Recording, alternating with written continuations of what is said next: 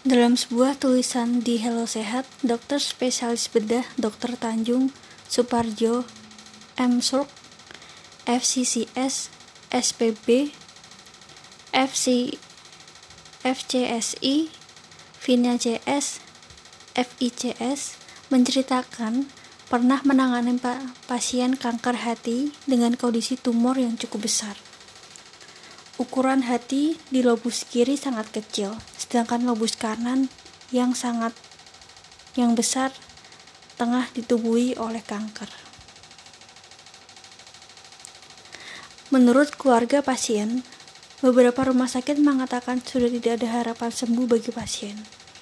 Pasien disarankan untuk menjalani terapi paliatif karena kondisinya dinilai sudah tidak memungkinkan menjalani operasi. Setelah analisa secara detail, kami menilai bahwa operasi tetap bisa dilakukan hingga mengangkat bersih tumor di harinya. Tentang operasi tersebut, kata dokter adalah ada pada penentuan batas tumor dan jalur potongan yang harus ditentukan dengan sangat presisi agar lebih banyak jaringan hati yang sehat dapat dipertahankan.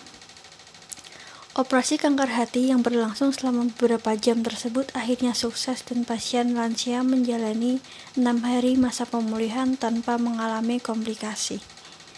Bagi para pejuang kanker, bagi para pejuang kanker hati dan keluarga, cerita di atas dapat membawa harapan bahwa pulih dari kanker hati bukan hal mustahil.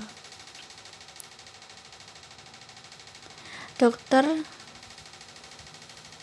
Cahang Suparjo mengatakan pengobatan kanker hati bisa dilakukan dalam dua cara, yakni yang bersifat kuratif dan paliatif.